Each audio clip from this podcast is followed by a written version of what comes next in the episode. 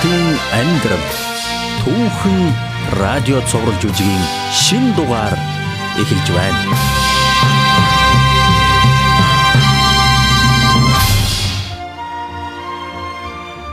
Өнөөдрийн түүх Библийн Лукийн бичсэн сайн мэдээний номноос нэгэн алдартай түүхээр үргэлжлэх болно.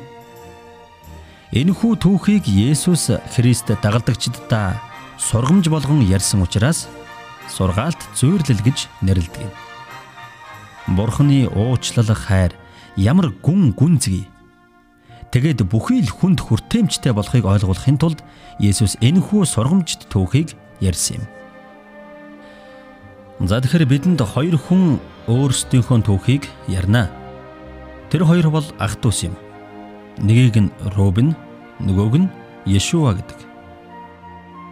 Есүстэй уулзрахаас өмнө тэр хоёрын амьдралд нэгэн зүйл тохиолдсон юм а. Тэр тухай тэд өөр өөрсдийнхөө өнцгөөс юу гэж ярихыг одоо бүгдээрээ сонсцгоё.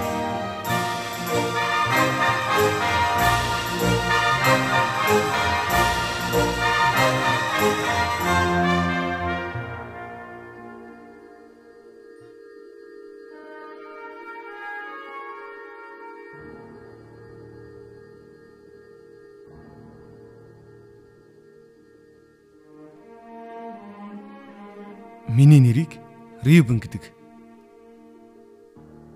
Миний дүү Йошуа надаас 15 насаар дүү. Йошуа аавыг маань өндөр настай байхад нь төрсөн л дөө. Хүүхэд байхдаа царайдсан хөөхөн харин том болоод сайхан ухаантай бас сэргэлэн залуу болж өссөн болохоор аав маань тэрэнд илүү хайртай л та. Даанч ганц гимн гэвэл Йошуа их залах уу.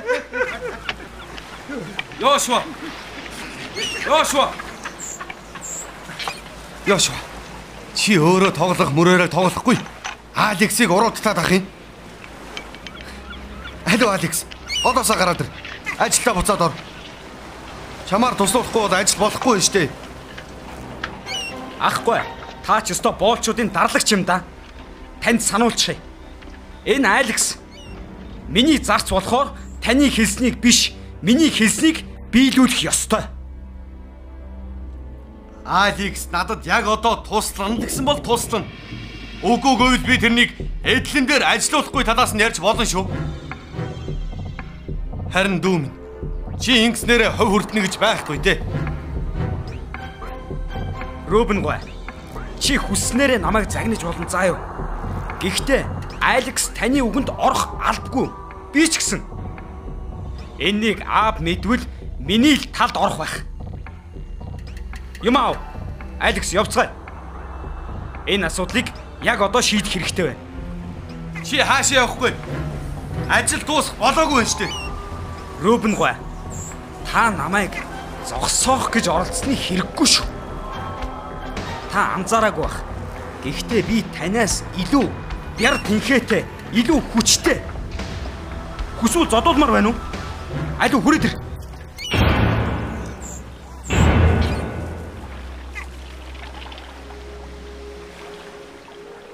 Уурандаа би Яшуагийн надад өгсөн зохиорыг нь аваад зодтолчих шахлаа. Гэвч тэрний бэр тэнхээ хүчнийхэн тухай ярьсан нь үнэн байлаа. Тэр надаас толгой хэр өндөр. Дээрээс нь 10-аад килограммаар илүү жинтэй. Миний олон жил хүнд хүчээр ажилд нухлагдсан бие маань хатуур нь чангарч хүч тэнхээ суусан хэдий ч миний хувьд Яшуатай сөргөөцөлдөх нь тийм ч ухаалаг хэрэг биш байлаа. Тэрнээс гадна Яшуа болсон бүхнийг аавд ярил ил буруутай болох байлаа. Тэр орой би талбай дээрх ажиллаад дуусгачаад гэртээ ирэхэд аав минь намайг ухтан гарч ирлээ.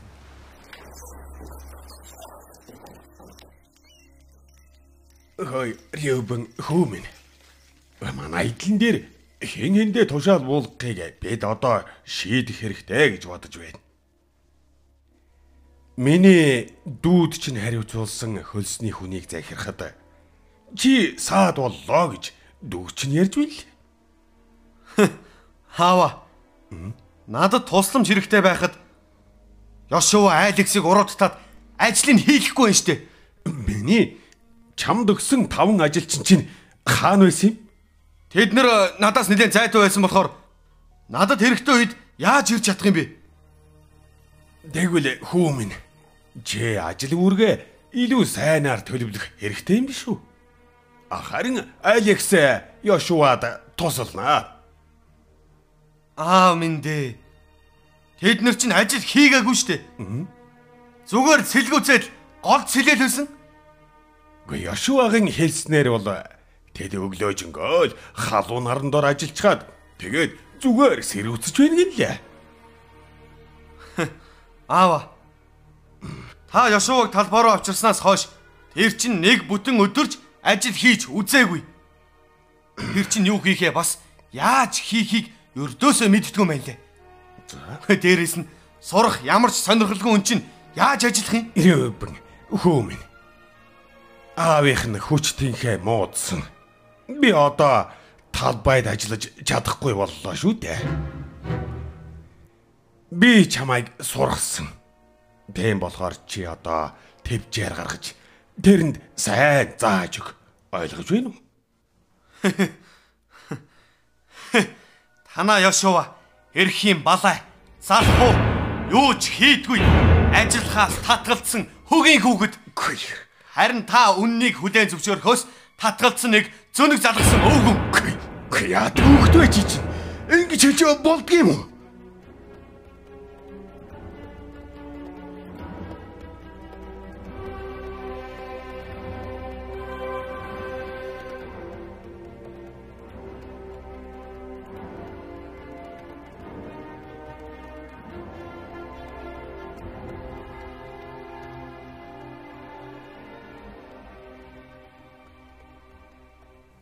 Урд нь аавтайгаа өндөр дуугаар ярьж үзээгүй болохоор би үнэхээр ичээд дээрээс нь өөрийгөө буруутгаад хэдэн өдрийн туршид аавтайгаа нүүр тулж чадахгүй л байлаа.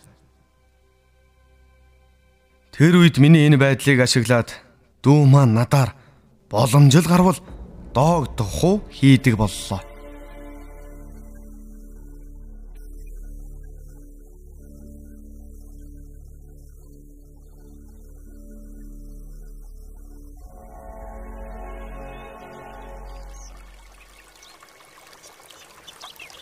Алекс. Аа.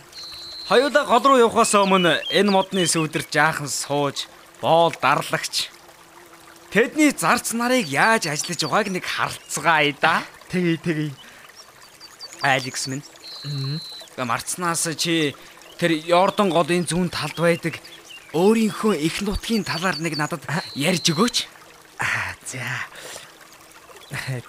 Манай тентхийн хотууд илүү том өндөр хөгжилтэй а бас манай хүмүүс баяр жаргалтай өгөөмөр а тэнд Йошуа эзэн тань шиг мэрэгэн залуу хүмүүст маш их боломжууд нээгддэг юм л да.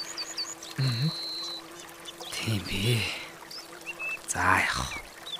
Тун удахгүй би өв хөрөнгөө авах насанд хүрээд тэр үед эцгээсээ шаардвал тэр надад бүх эзэмшлийнхээ 3-1-ийг өгөх ёстой. Тэгээд би газар нутаг өхөр мал өөр юу вэ? Надад өгсөн болгоныг нь би үн хаялцуулж зарна. Мөнгөтэй болцоход би танай тэр хотод айлчлахыг хүсэж байна. Тэгэлгүй яах вэ? Тэр чин сайхан санаа байна.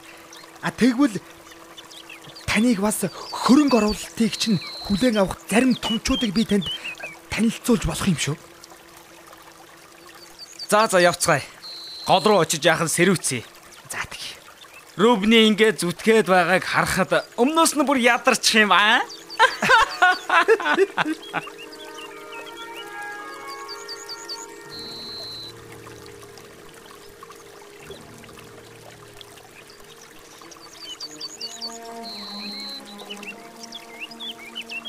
Аав бид хоёрын өчнөөн жил хуруу хумсаа хуглан байж олсон зүйлс хичээл зүтгэлийг маань Йошуа огтхон ч үнэлэхгүй байсанд нь миний уур хүрдэг байсан.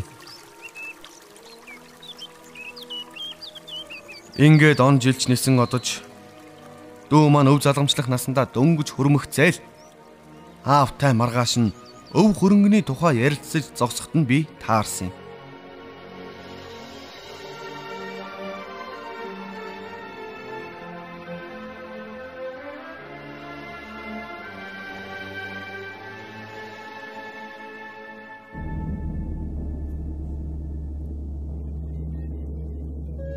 Аава. Би энэ хэдлэн дээр амьдрсаар байх цагт ах та хоёр дандаа муудалцаар байх нь ойлгомжтой шүү дээ. Үгүй бид тэр болгоныг шийдвэрлэчихээ үстэ. Чамайг усан үзмийн тариалан дээр бас үхэр малын дунд ажиллах сонирхолгүйг би мэднэ. Үгүй тэгвэл чи надтай хамт ажиллаж данс, тооцоо, тэмдэглэл хөтлөж бас бүтээгдэхүүнүүдийг маань зарж борлуулах юм уу? Аав минь, би таны саналыг хүндэтгэж байна. Би тэр болгоныг ганцаараа хийж бас өөрийн гисэн ажил хэргийг явуулмаар байна шүү дээ. Тэгэхээр чи өв хөрөнгө одоо аммаар байгаагаа хэлэх гээд байгаа юм уу та? Тийм ээ. Аава, та хоёрхан хүүтэй эм чин уламжлал ёсоор намайг өв залгамжлах насанд хүрээд ирэхээр таны эд хөрөнгөний 3-ны 1 нь надад ноогдох ёстой босуу. Тэр нь ч үнэн үнэн л дээ. Чи газар тариаланч болох сонирхолгүй ээж. Өөрийн хувиа тэгээд яах гээд байгаа хөвгтүүд ээ би эд хөрөнгөө үн хаялцууж зармаар байна. Заац ойлголоо ойлголоо. Үгүй хүмүүс ингээд чи тэрнийг ахтаан зарахыг бодоод байгаа юм уу та Тэр мүү надаас авч чадахгүй. Би хувь ногдлоо хамгийн дээд үнээр үн хаялцуулж зар. Охой.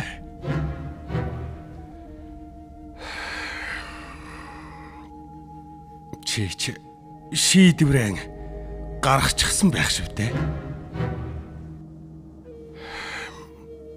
Даат би чи явж бичиг цаасан бэлдээ дээ.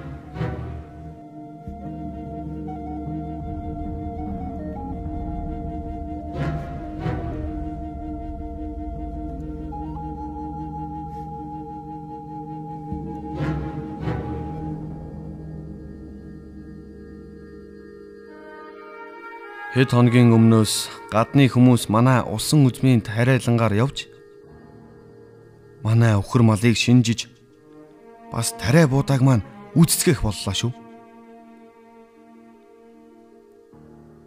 7 хоногийн дараа эдлэн газрын 3-ны 1 нь гадныхны харьяанд орж тэд нар усан үзэн буудаан талбаанууд дундуур хачаа татдаг юм байна. Манай хонин сүргийн бэлчдэг байсан бэлчээрүүд өөр хүмүүсийн гарт орж нэр усыг инч мэдгүй хүмүүс их боллоо.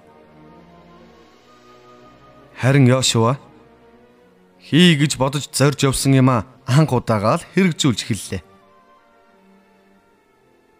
Газар нутгийг маань ингэж хуваах нь аавын маань зүрхийг маш ихээр шархлууллаа. Харин энэ бүхнээс надад гарсан нэг л ашиг гэвэл Йошуа намайг уурлуулж дооглох гэж нүдний минь өмнөр явха болсон юм. Би тэрнийг бүр мөсөн марчмаар байсан ч гэсэн аав маань өдөр болгон алсын бараа ширтэн Йошуаг хизээ ирэх болоо гэж хүлээсээр байлаа. Тиймээс ч би тэрнийг мартаж чадаагүй юм да. Ингээд би Йошуаг өөрийнхөө түүхийг өөрөө ярьсан нь дээр байхаа гэж би бодож байна.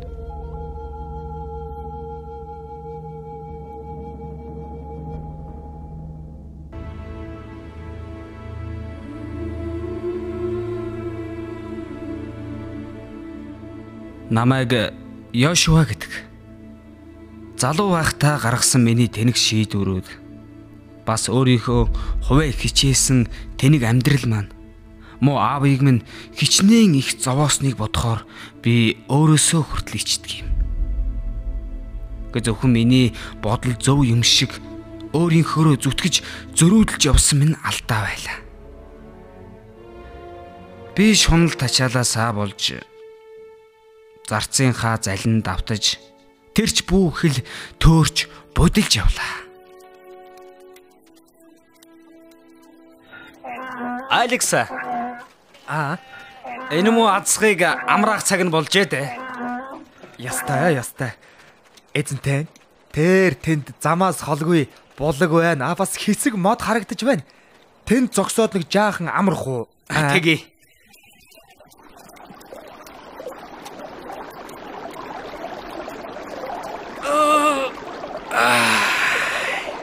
Алекса. Энд ямар сайхан байна гээч. Бэн булгийнх нь ус.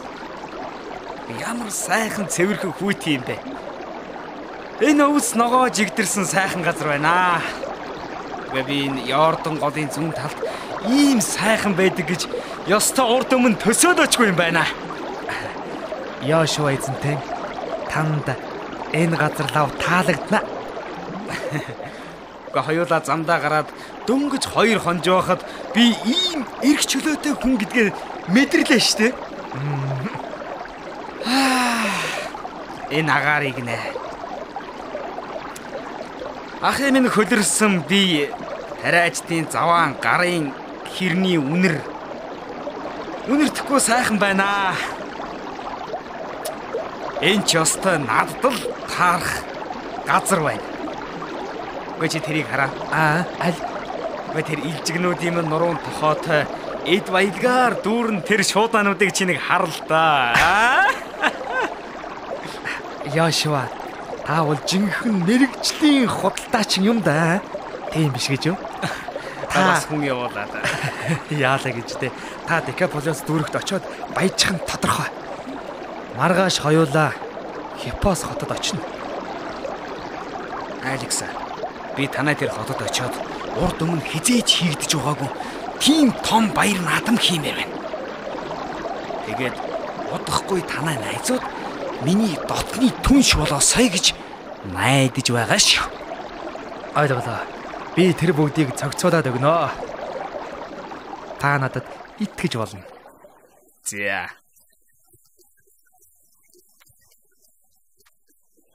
Алексийн төрсөн хотод очиход намайг яг л ихэс дээдс шиг хүлээж аваад найр цэнгүүнүүдийг эхлэл төгсгөлгүйгээр үргэлжлүүлж эхэллээ.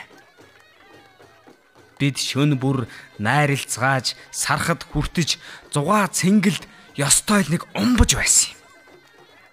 Гэхдээ мэдээч хэрэг би зарим нэг ажил хэрэгээ амжуулж Алексийн танилуудад хөрөнгө оруулсан.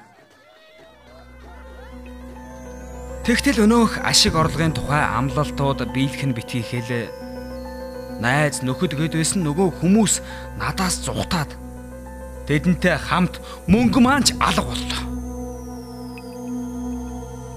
Тэгтэл дээрээс нь хэрэг явдал бүр дордож хахир гангаас болж энэ нутагт өлсгөлөнгийн гамшиг дайрсан юм.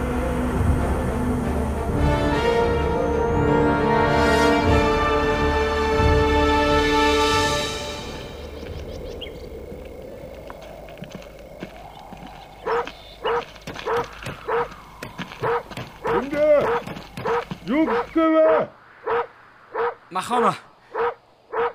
Би Йошуа байна. Орж болох уу? Заалив төркөн шиг орж үз. Ил шур гэрээр дүүрхэн. Заалив ор. Сайн байна уу? Сайн сайн. За тэгээд юу гэж явна да? Аа, Энэ шуургыг хамаг хувцсаар олчлаа. Та Алексийг хараагүйц? Гэхдээ тэр манай хүүд Йордан руу ажил хайхаар явлаа гэсэн. Яагаад чи тэрнийг асуугаад байгаа юм бэ? Үгүй эрхмээ юул да. Уг нь 3 өдрийн өмнө тэр миний сүүлчийн мөнгийг аваад хоол хүнс аваад иргээд явсан.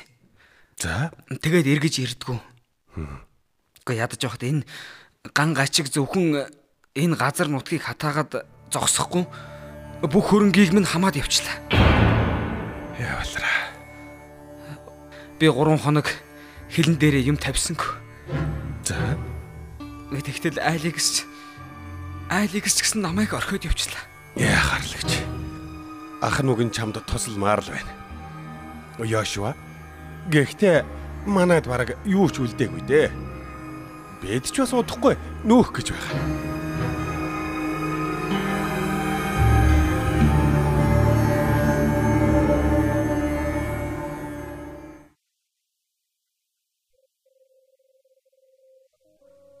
Голын нөгөө талд манай гэр бүлийн амьдарч байсан газрыг өлсгөлн нэрвээгүй байсан юм.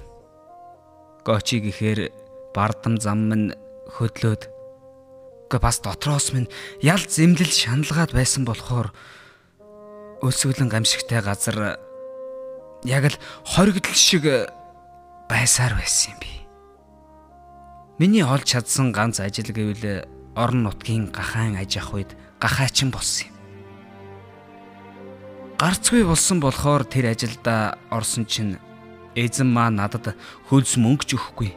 Амьдрах оромж хоол хүнсээрч хангахгүй мөртлөө гахайн оромжинд гудасчгүй газар дээр унтуулдаг байлаа.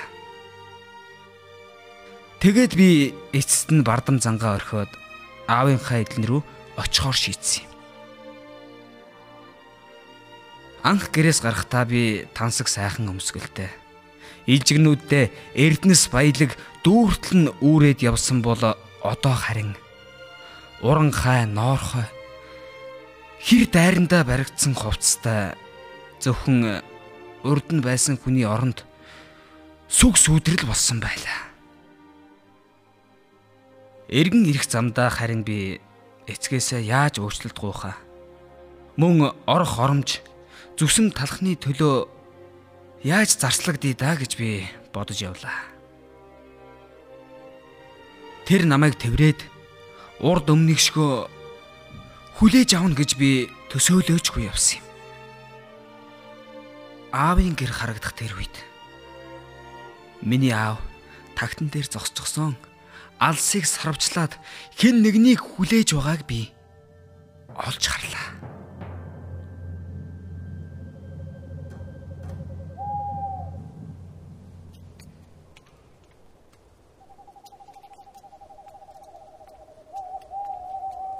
Йошуа юу да?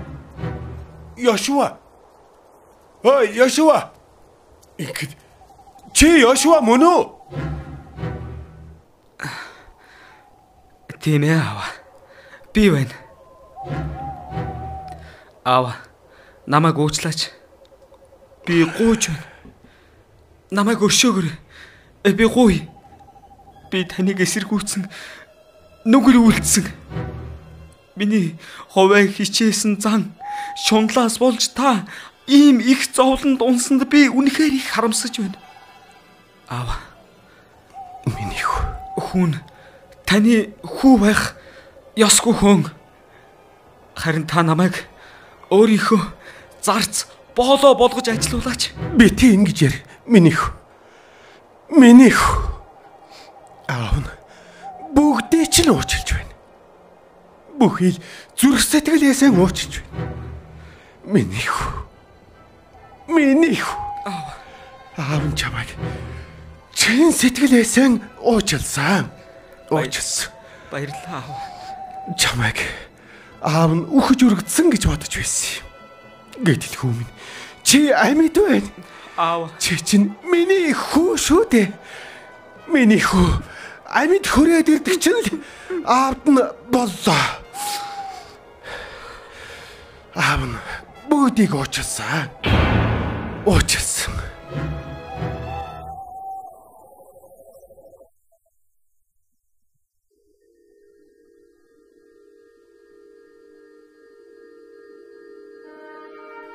Йошуа гэрээ орхиод явснаас хойш даруй 4 жил өнгөрчээ. Харин тэрний хувь ноогдлоос худалдаж авч байсан зарим хүмүүс тариачин бол чадалгүй дампуурцгаас юм. Тэгээд би Яшуагийн зарсан газраас ихэнхийг нь буцаагаад авч зөндөө хаягдсан талбай усан үзмийн тариаланг ахин үржиж хэмтэй болох гэж нилээд шаргуй хөдөлмөрлөлөө. Нэг өдөр ажлаасаа ядраад гэрийн зүг гэлдэгч явхад аавын маань гэрээс найрын дуу сонсогддог юм байна. Йосия. Аа. Энд юу болоод байгаа? Аа. Таны дүү Яшуа гэртээ ирсэн. Тэгээд л аав чинь ирснийг нь тэмдэглэж байхгүй юу? Аа? Танимэлхүү ирчгээ юу. Тэрнээс нэгэнд салчглаа гэж бодож байсан юмсан. Тэр энд хэр удна гэдгийг чи мэдсэн үү? Аа тий тэр аавас чинь энэ дүлдэж зарц болгоод эдлэн дээрэн ажилуулаач ээ гэж гойсныг нь би сонссон юм байна шүү. Сонссон юм байна. Яг тийм сонссон. Ёшоо ажиллана. Тий. Тэр ажиллахаар бэлэн болсон юм бол их л зүдэрчтэй зайлвал Магадгүй. аа Магадгүй. миний таамагласан шиг тэр бүх мөнгөө алдчаад ирсэн юм байна л да. Аа? Тэр надаас холхон байсан нь үлзий тойдээ.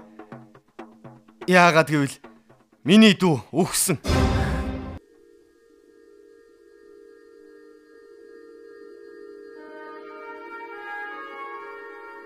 Йошуа гэргэж ирэхэд нь миний дотор нуугдж байсан далд хорсол, үзэн ядалт бүрж ихээр ил гарлаа. Дараачийн хэдэн жил өнгөрсөн ч бид нэг нэгнээсээ зүхтэн зайлж тэрэг өрж барахгүй аав маань нас барахад хүртэл хоорондоо нэг ч үг дуурсангүй. Йошуа хурмаа хийсэн боловч харин би гом би гоцон толгой хэвээрэл байлаа. Бүр тэрнийг бодохоор уур хурч үзен яддгийг. Энэ бүхнээсээ болоод би ганцаардмал өрөвдмөр амтан болчихсон байв. Гэтэл би нэг өдөр Есүстэй уулзлаа. Миний итгэлтэй сайн зарц Йосия. Есүстэй уулзахад минь маш ихээр тусалсан юм.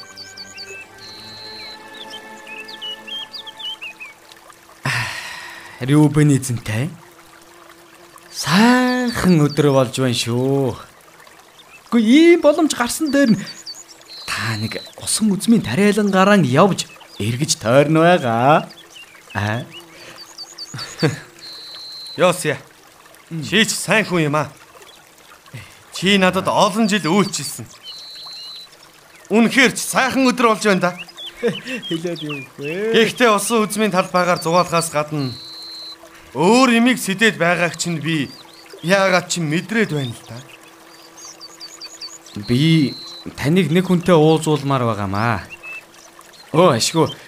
Тэр хүн ирж байна. Сайн байна уу Есүс? Таныг ирсэнд маш их баярлалаа. Сайн байна уу Яси? Сайн. Чи эзнээ хайрлаж итгэлтэйгээр надаас гуйсан болохоор би ирлээ. Маш их баярлалаа. Рубен эзэнтэй энэ хүнийг Есүс гэдэг юм аа. Сайн байна уу эзэнтэй? Йосия. Чи үнэхээр сайн. Итгэлтэй зарц минь байгаагүйсэн бол надад тусламж хэрэгтийг өөр хүнд хэллээ гэж би чамд гомдлох байлаа.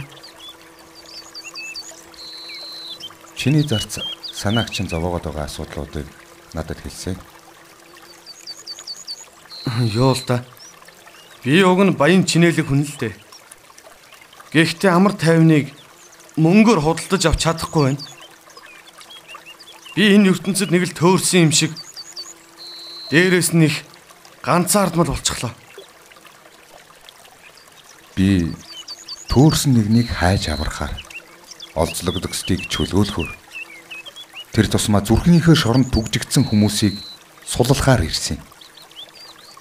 Ингээд Йосия танд миний тухай яг юу гэж ярьсан бэ? Таныг хамгийн хайртай хүмүүсээсээ маш их доромжлол, буруутгалыг амссан гэж хэлсэн. Миний аав хэдийнэ нас нөхцсөн л дөө. Дүү мөн ч үгүй болсон байж магадгүй. Болсон бүхнийг өөрчлөх Харагдсан одоохон таалах да. Тэр эрж хайж байгаа амар тайвнаа олохын тулд эхлээд чамайг гомдоосон хүмүүсийг уучлах хэрэгтэй. Би тэгж чадна гэж юу? Тэр миний аавд ямар их зовлон шаналлыг амсуусан гэж би тэрнийг хизээч уучлах чадахгүй. Миний танаас хүсэж байгаа зүйлээс хамаагүй ихийг аав чинь танад үд уучлж өгсөн юм шүү дээ. Үгүй. Ёшоо надаас уучлалт гуугаагүй байхад би тэрнийг яагаад уучлах ёстой юм бэ? Рюбин. Анхааралтай сонстоо. Хэрвээ чи дүүгээ уучлчих юм бол тэрний хийсэн алдааг бас хүлээн зөвшөөрнө гэж чи дотороо бодоод байгаа үсттэй. Энийг чинь би мэдэж байна. Яг тийм ээ. Тэгж бодоод байна. Тэр миний зүрхний шарахыг эдгэж чадахгүй. Уучлал бол хүлийн зөвшөөрөл биш ээ. Харин таныг дургүйцлээс чөлөөлж байгаа хэрэг юм. Риовне. Чи хамгийн сүүлд хизээ залбирсан бэ? Йоо. Яг үнэндээ би санахгүй байна. Тэгвэл би одоо чиний төлөө залбирч өгч болох уу? Тэгэлтэй. Миний төлөө залбирч өгөөч. Тэнгэрт байгаа эцэг минь ээ. Бидний залбирлыг үргэлж сонсдог таньдаа баярлалаа. Рубны зүрхэнд өөрийнхөө амар тайван өгөөч. Тэгээд тэрнийг өөртөө дуулууртай болгооч бидэнд өдөр тутмын талхайг минь өгч уруу таталтаас хамгаалж өгөөч. Реубин өөрийнх нь эсрэг гим хийсэн хүмүүсийг уучлж байгаагийн адил таач бас тэрний гимийг уучлаач.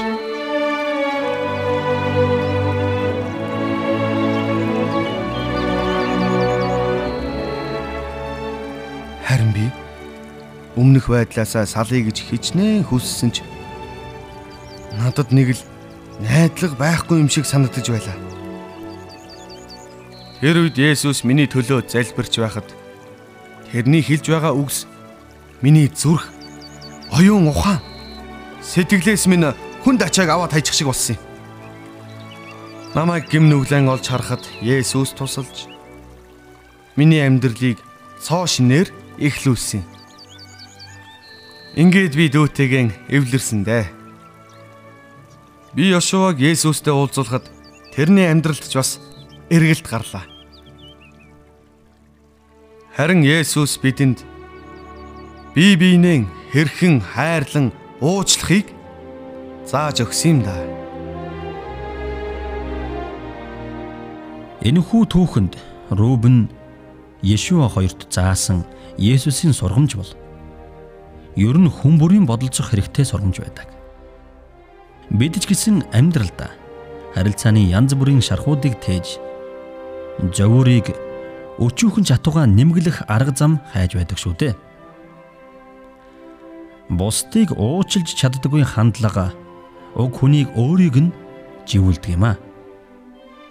Бидний гомдоосон хүнээс илүүтэйгээр гомдсон бид уучлаагүйгээсээ болж илүү их ял, зовнил, сэтгэлийн дарамтыг тээж явдаг билээ. Уучлахгүй байх нь хүний бие махбодын дороотлогч улам хурдсагдаг гэдгийг эмч нарч хүлээн зөвшөөрчээ. Үл уучлал хүний сэтгэл зүйн бас сэтгэл мэдрэлийн өвчнөгч хөхүүлэн дэмждгийг сэтгэл судлаачид онцлон тэмдэглэдэг. Харин Библиэд энэ тухай хэлэхдээ хүн бусдыг уучлж чадахгүй бол бидний гим нүгэл мөн адил уучлагдахгүй гэж бичсэн байдаг. Тэгэхээр уучлж байгаа хэн нэг нь уучлуулсан хүнээсээ илүү амархан дарамтгүй болдог байна. Учир нь бид дургуйцэл үзэн ядалтаасаа зуурсаар байвал ямар ч амар тайван эрх чөлөө бидэнд төрөхгүй. Хэрвээ яг ийм асуудал таныг зовоож байгаа бол Есүст өөрийнхөө ачаа дарамтыг өөрүүлж Аливаа хүнийг уучлах ууч сэтгэлийг түүнээс асууж мөн гуйж аваарай. Тэр танд лавтая өгнө. Та өөрийнхөө сэтгэлд өөрийнхөө уужилж чадахгүй байгаа хэн нэгэн дээр туршаад үзээрэй.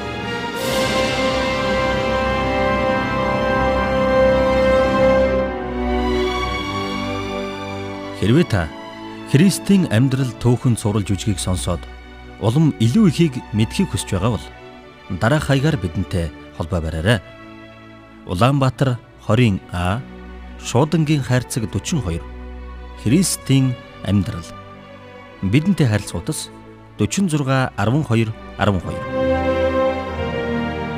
Бүтээгч бурхан эзэн дэлхийн ертөнцийг үнэхээр хайрлсан учраас хүн төрлөختөнд цорын ганц хүүгээ илгээсэн. Ийм учраас хүүд нь итгэгч хэн ч мөхөхгүй харин мөн хамтай болох юм аа.